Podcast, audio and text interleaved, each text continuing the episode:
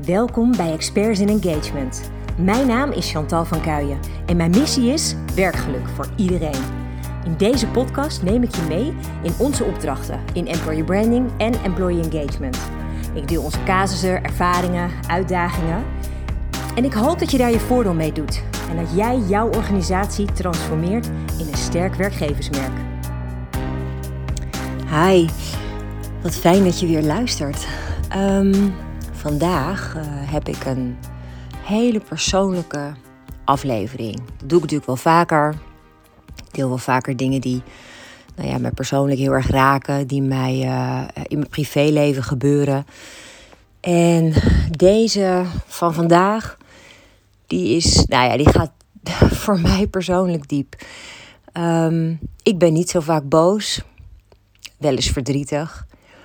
Maar de gebeurtenis waar ik het vandaag met je over wil hebben, ging voor mij echt ja, zo ver dat ik echt zo boos was en ook zoveel verdriet voelde. Dat ik er ook echt, echt heel erg om heb moeten huilen. En ik heb een beetje getwijfeld of ik het wilde delen, omdat um, nou ja, ik weet niet of je er, of je er iets mee kunt. Um, omdat het in dit geval heeft het heel erg te maken met uh, mijn lieve man, mijn kleine man. En ik dacht, nee, ik ga het toch delen. Want misschien dat er wel ergens iets in zit waar je wel, nou ja, al is het maar het kleinste deel uit kan halen. Waar je wel, nou ja, iets mee kan. Misschien heb je zelf kinderen en denk je van, oh ja, ik herken dat wel. Um, ik ga je meenemen naar de situatie zoals die speelde. Uh, was afgelopen vrijdag. Ik zat op kantoor te werken met Merel. En uh, nou, we waren gewoon hard bezig met allerlei projecten. En ik zie ineens een berichtje binnenkomen op mijn telefoon vanuit de Paro-app van school. Een berichtje van Jurians meester. Um, nou, dat er een vervelende situatie had plaatsgevonden waar Jurian heel erg verdrietig over was. En of ik na school eventjes naar de klas kon komen. Nou, best wel een beetje een vaag bericht natuurlijk. Want ja, je denkt over, ja, weet je, waar, waar gaat het over? Geen idee. Ik heb al eens eerder wat dingen met je gedeeld. Uh, en dat ging natuurlijk ook over uh, een klasgenoot en twee klasgenoten waar Jurian eerder problemen mee had. Um, en ik dacht in eerste instantie eigenlijk dat het om zo'n situatie ging. Dus nee, ja, ik dacht daar vooral van, nou ja, oké, weet je, wat, wat, is er, wat is er dan dit keer? Um, dus nou, ik uh, ging om kwart over twee daar inderdaad naartoe. En kwam in de klas en zag mijn lieve kleine man trillend als een blaadje zitten. Um, gek genoeg, hij keek me wel aan, maar ook niet echt. En toen ik vroeg wat er gebeurd was, kon hij er zelf niet over praten. En heeft hij aan de meester gevraagd of hij dan het verhaal voor hem wilde doen. En toen kreeg ik nogal een wonderlijk verhaal te horen. Um, Julian heeft heel vaak de behoefte om nadat het een drukke ochtend is geweest in de klas, om op het schoolplein eventjes rustig uh, op zichzelf rond te wandelen. He, dan wil hij niet zozeer deelnemen aan uh, spelletjes met anderen, maar hij heeft dan gewoon heel even nodig om even te ontprikkelen, even gewoon zichzelf te zijn.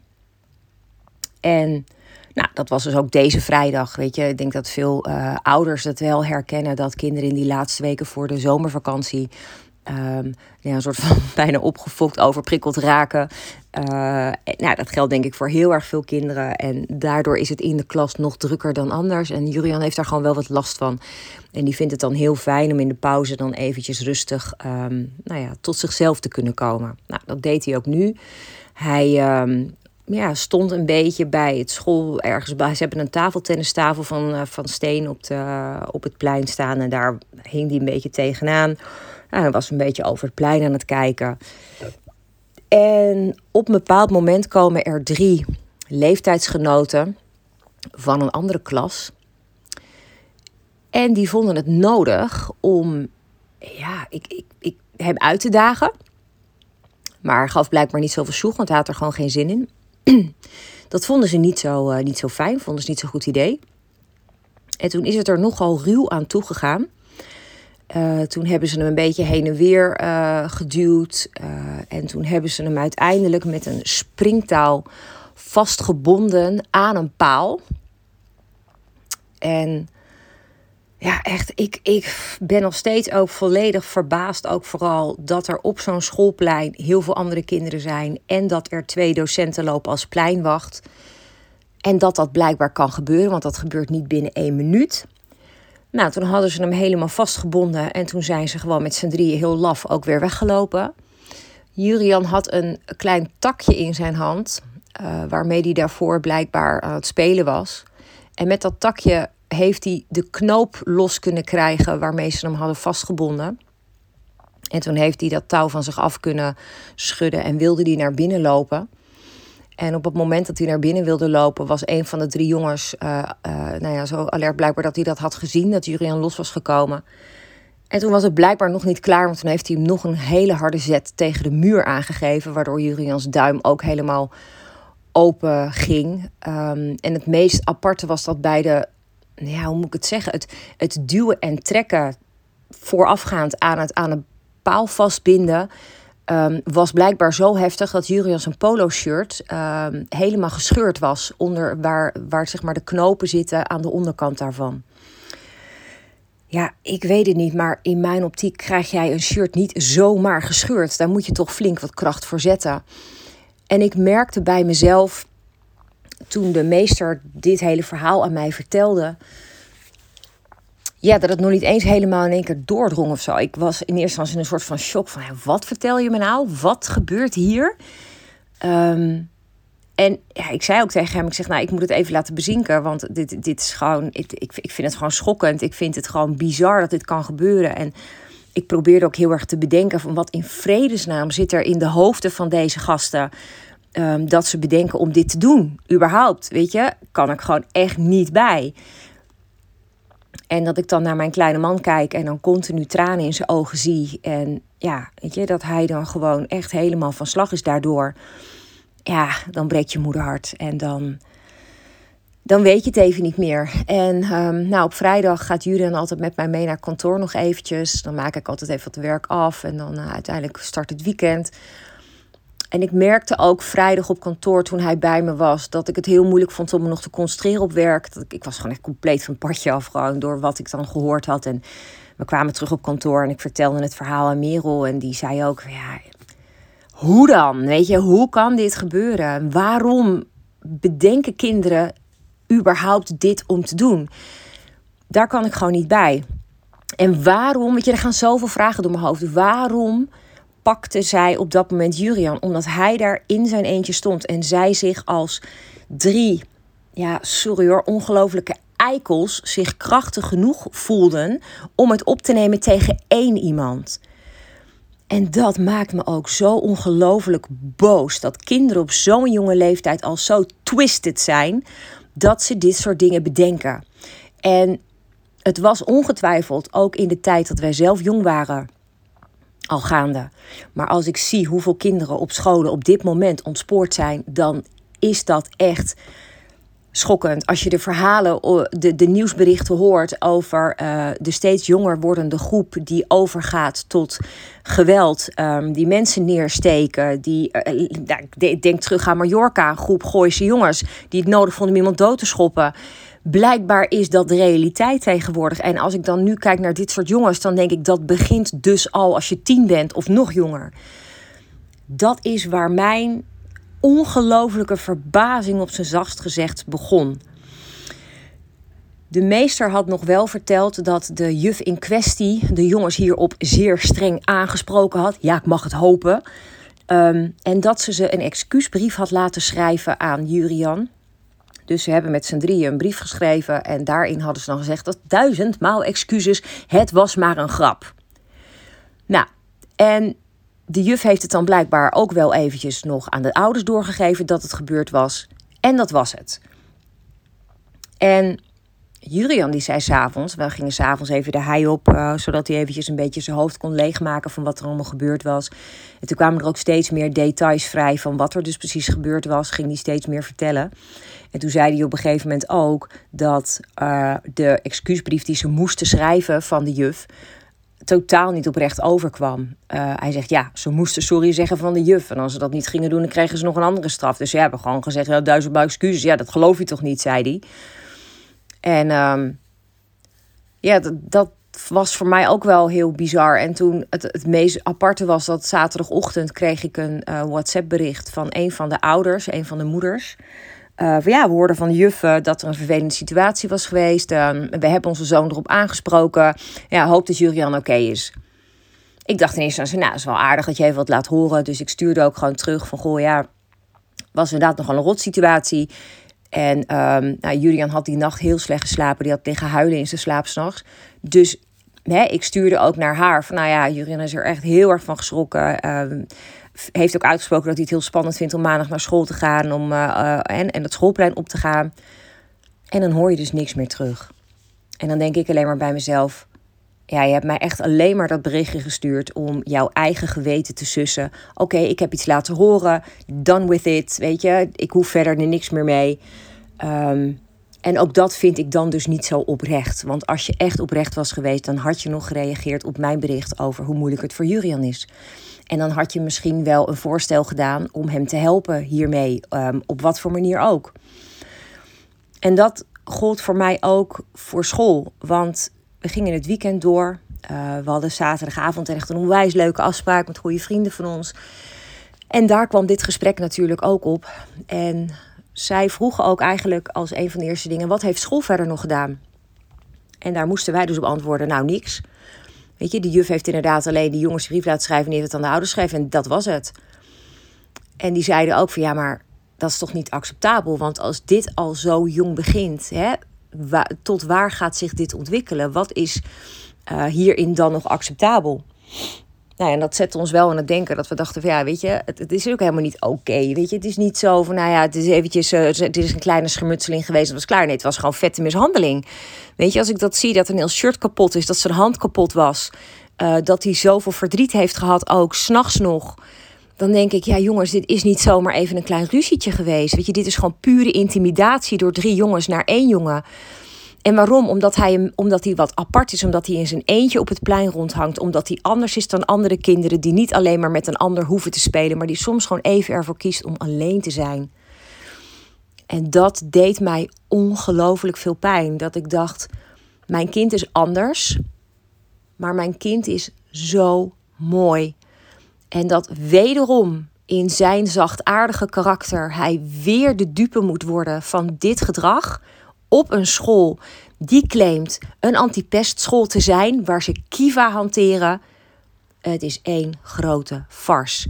En mijn boosheid werd gedurende het weekend eigenlijk steeds erger. Want ik merkte aan Julian zondagavond, die uh, voelde nogal wat spanning. Omdat hij dacht, ja, dan moet ik weer naar school. Morgen is er gewoon pauze en dan ga ik het plein op. En zijn die jongens daar ook. En dan? En toen dacht ik, ja, dat kan toch niet waar zijn? En die vriendin die had ook zaterdagavond tegen ons gezegd: maar waarom houden ze dan niet bijvoorbeeld maandag de jongens binnen, zodat Jurian gewoon met een veilig gevoel naar buiten kan? Nee, dat was niet eens een straf die in ze opkomt. En Dennis en ik hadden dus besloten om maandagochtend samen Jurian naar school te brengen en even de klas in te gaan en even tegen die meester te zeggen van goh luister, hoe ga je het nou oplossen in de pauzes vandaag?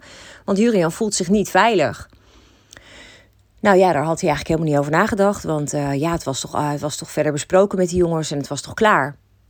En toen zei ik ook tegen hem: Ik zeg ja, ik vind het heel jammer dat je er zo simpel over denkt. Ik zeg, want het is helemaal niet klaar. Ik zeg, dan kun je er gewoon niet in verplaatsen wat dit dus doet met Jurian. Nou, en toen heeft hij ons uiteindelijk beloofd dat hij uh, zou regelen dat degene die pleinwacht hadden die dag extra op hem zouden passen en dat er aandacht voor zou zijn. Um, nou, wij hebben jullie al gevraagd, hè, ben je hier oké mee? Is dit goed genoeg voor je? Want anders neem je gewoon mee naar huis. Dan zoeken ze het maar uit op school dan ga je gewoon mee. Maar Julian zei nee, het is oké, ik ga het wel proberen. En um, nou goed, ik werkte thuis, Dennis was vrij. Dus we hadden ook zoiets van, nou, op het moment dat er maar iets gebeurt, dan uh, halen we hem gewoon op. Um, maar goed, dus we hadden hem achtergelaten. Dennis en ik wandelden vervolgens nog een stuk. Dat doen we vaak op maandag. En dan uh, ga ik daarna aan het werk. Maar ik merkte dat ik na die wandeling ook echt het totaal niet kwijt kon. En dat ik ook gewoon zo ontzettend met de situatie in mijn maag zat. Omdat ik vooral de reactie van school zo laks vond, zo nonchalant. Dat ik dacht, als jij claimt naar de buitenwereld dat, dat het een veilige school is, waar jullie een Kiva-programma hebben, waar jullie echt volle aandacht hebben uh, tegen pesten, dan vind ik dit zo zwaar onacceptabel. En nou, we hadden die wandeling gedaan en we kwamen terug. En ik zei tegen Dennis, ik ga een mail sturen naar die directrice. Ik vind het gewoon echt niet oké. En toen, nou ja, dan moet je mij loslaten op de mail. En dat, uh, dat duurt dan nog geen tien minuten. En dan komt daar een heel verhaal uit. En dat is ook geen vriendelijk verhaal. Dat kan ik je ook vertellen. Dan ben ik echt direct en eerlijk. En dat vinden ze dan niet leuk. En dat boeit me op dat moment ook echt voor geen meter. Want ik denk, ja, kom op zeg. Mijn kind is hier gewoon zwaar um, geïntimideerd, gekwetst, pijn gedaan, uh, verdrietig van, weet je. En, en jij was daar als school gewoon overheen van, joh, het is een klein incident geweest en we gaan weer door. En um, dus ik had ook eigenlijk meer als bewijs daarin gezet van, joh, het feit dat zelfs zijn polo-shirt helemaal stuk getrokken is, um, geeft voor ons ook aan hoe heftig het incident geweest is. Dat er best wel veel kracht bij uh, moest komen kijken om dat voor elkaar te krijgen, even los van wat ze voor de rest hebben gedaan.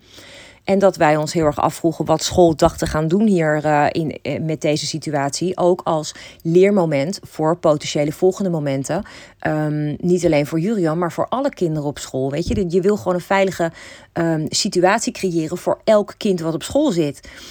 Pesten is zoiets heftigs en heeft zoveel invloed op de rest van levens. Um, ik, nou, ik heb menig programma uh, mogen zien. Ik heb menig persoon gehoord die vroeger te maken heeft gehad met pesten. En wat dat doet met je zelfvertrouwen. En wat het doet met je hele uh, zelfbeeld. En dat is voor mij dus een hele belangrijke, ook om hier met Julian dus ontzettend op te zitten. Van hé hey joh, dit lag echt niet bij jou. Bij deze gasten zit gewoon een steekje los. Want het feit dat jij überhaupt bedenkt om dit te doen, als jij normaal bent, komt dat niet in jouw hoofd op. Um, en nou ja, dus ook heel erg met hem bezig geweest erover. Van er is niks mis met jou. Um, zij hebben jou alleen maar gepakt omdat zij met z'n drieën sterker waren dan jij alleen. Um, maar dat zegt niet dat jij een, een, een rare jongen bent of, hè, of dat je zwak bent. Of hier kon jij niet tegenop in je eentje. En nou ja, dus dat is voor mij wel een heel belangrijk ding. En we hadden die maandagmiddag, toen ik de mail had gestuurd, hadden we uh, ook rapportgesprek toevallig met de meester.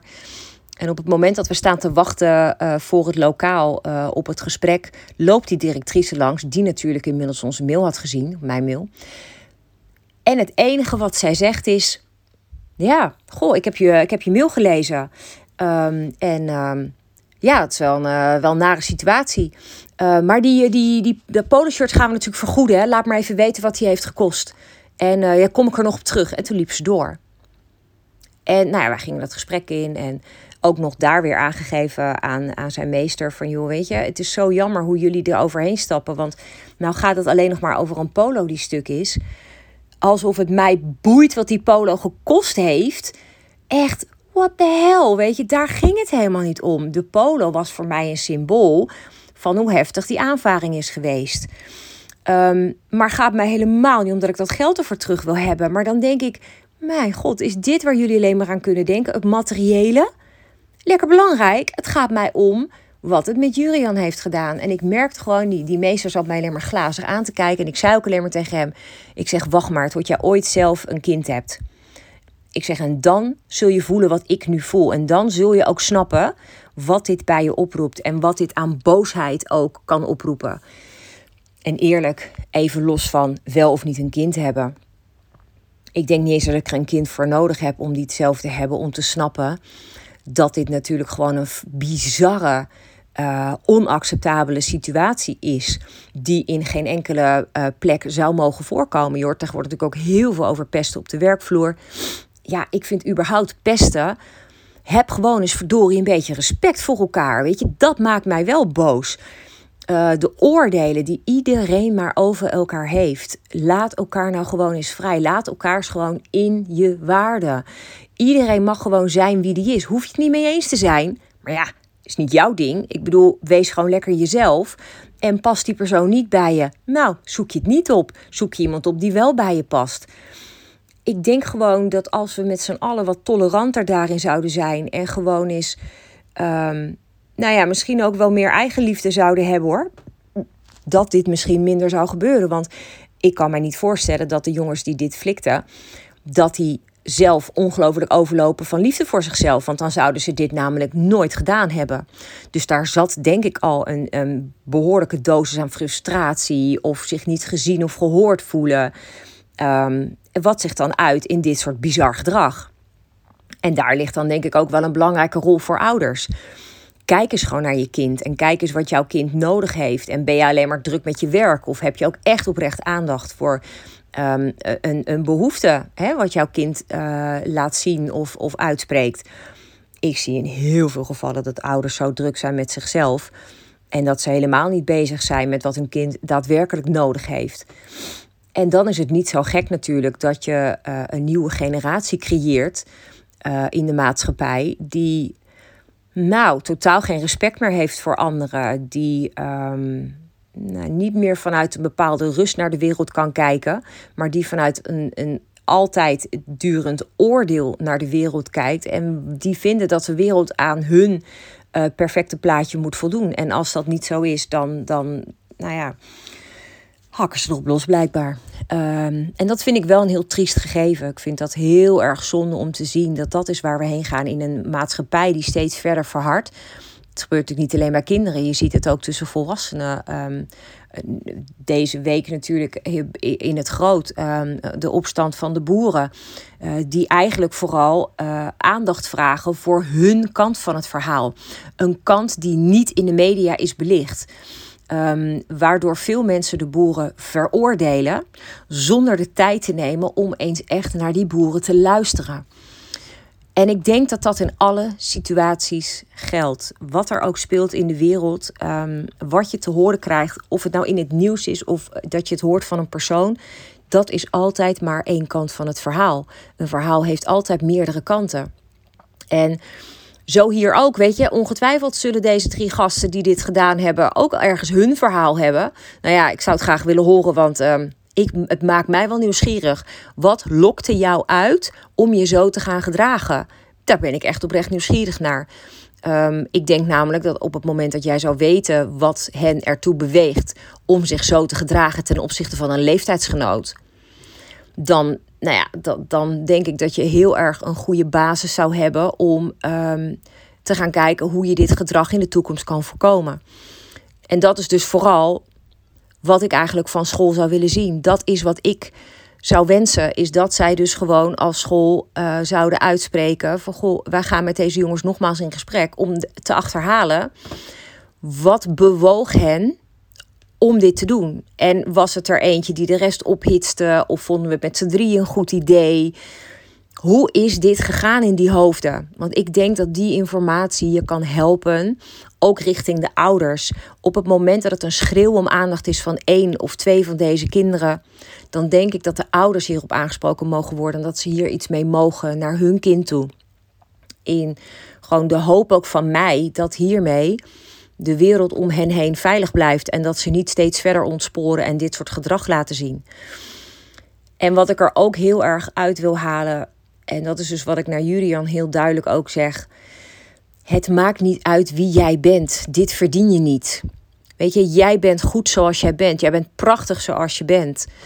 Dit is niet wat jij verdient. Jij verdient ook gewoon respect. Uh, jij verdient ook gewoon dat anderen jou waarderen om wie je bent. Net zoals jij dat aan die ander ook geeft. Dat is ook mijn aller, allerbelangrijkste boodschap deze week. Het is niet erg als je anders bent. Ik vind het juist fantastisch als je anders bent. Als jij in de eenheidsworst mee wilt, dan word jij niet gelukkig. Daar geloof ik geen bal van. Als ik kijk naar de mensen die ik in het leven zie bewegen um, dan vergelijk ik het af en toe met zombies. Mensen die allemaal hun riedeltje elke dag afdraaien zonder na te denken over een diepere betekenis in het leven, over waarvoor ze eigenlijk hier op aarde zijn. Of eh, zonder te bedenken waar ze eigenlijk echt gelukkig van zouden worden. Maar die gewoon maar elke dag doen wat er van ze verwacht wordt. Ik mag toch echt in mijn handen knijpen dat Julian dat niet heeft. En dat hij wel op zoek gaat naar wat hem gelukkig maakt, waar hij blij van wordt. En dat hij het liefst zijn talent zou willen inzetten. Dat maakt mij heel dankbaar, want dan weet ik dat hij een heel speciaal uh, kind is, wat nog heel veel mooie dingen kan gaan doen in de rest van zijn leven. En daar wil ik hem heel graag in stimuleren. En dat wil ik hem heel graag meegeven en hem ook laten weten dat juist dat hij apart is, juist dat hij anders is, dat dat het mooiste is wat je kan hebben. En als dat de boodschap is die je vandaag uit mijn aflevering nu haalt, dan ben ik onwijs dankbaar. Want echt, dit is niet gewoon. Dat je zo met elkaar omgaat, is niet gewoon. En dan heb ik liever dat je die zachtaardige, liefdevolle andere persoon bent. Die niet in een hokje past. Die niet in deze standaardmaatschappij past. Maar die wel leeft vanuit liefde voor om alles om je heen. En daar denk ik dat ik het maar voor vandaag even bij laat. Ik heb uh, een lang genoeg relaas opgehangen. Um, ik hoop ongelooflijk dat ook deze ervaring mensen aan het denken zet. En ja, toch ook wel weer um, ervoor zorgt dat de wereld misschien wat lichter mag worden. Ken je iemand die dit heeft meegemaakt, of een ouder hè, die, die hier ook mee worstelt met zijn kind? Alsjeblieft, deel de aflevering. Want ik wil heel graag, heel graag die steun uitspreken naar iedereen die op wat voor manier zich anders voelt. In mijn hart ben je welkom, echt oprecht. Ehm, in mijn wereld ben je welkom. Want al die mensen die anders zijn, die kleuren deze wereld zo fantastisch mooi. En daar mogen we er zoveel meer van hebben. Dus spreek je uit, laat van je horen alsjeblieft. Ehm, en heel erg bedankt dat je wilde luisteren weer. En ehm, maak er een fantastisch mooie dag van. En als je, als je net gaat slapen, dan wens ik je een hele fijne nacht met hele mooie dromen. Tot snel weer. Ik hoop dat deze aflevering je inspiratie oplevert. Misschien is dit wel jouw nieuwe begin. De start van een sterk employer brand. Of optimaal werkgeluk voor jou en je medewerkers. Maar waar loop jij tegenaan? Welke vragen heb jij? Stel ze vooral via onze website employerbrander.nl slash podcast. Dan kom ik er graag op terug in een volgende aflevering. Tot snel!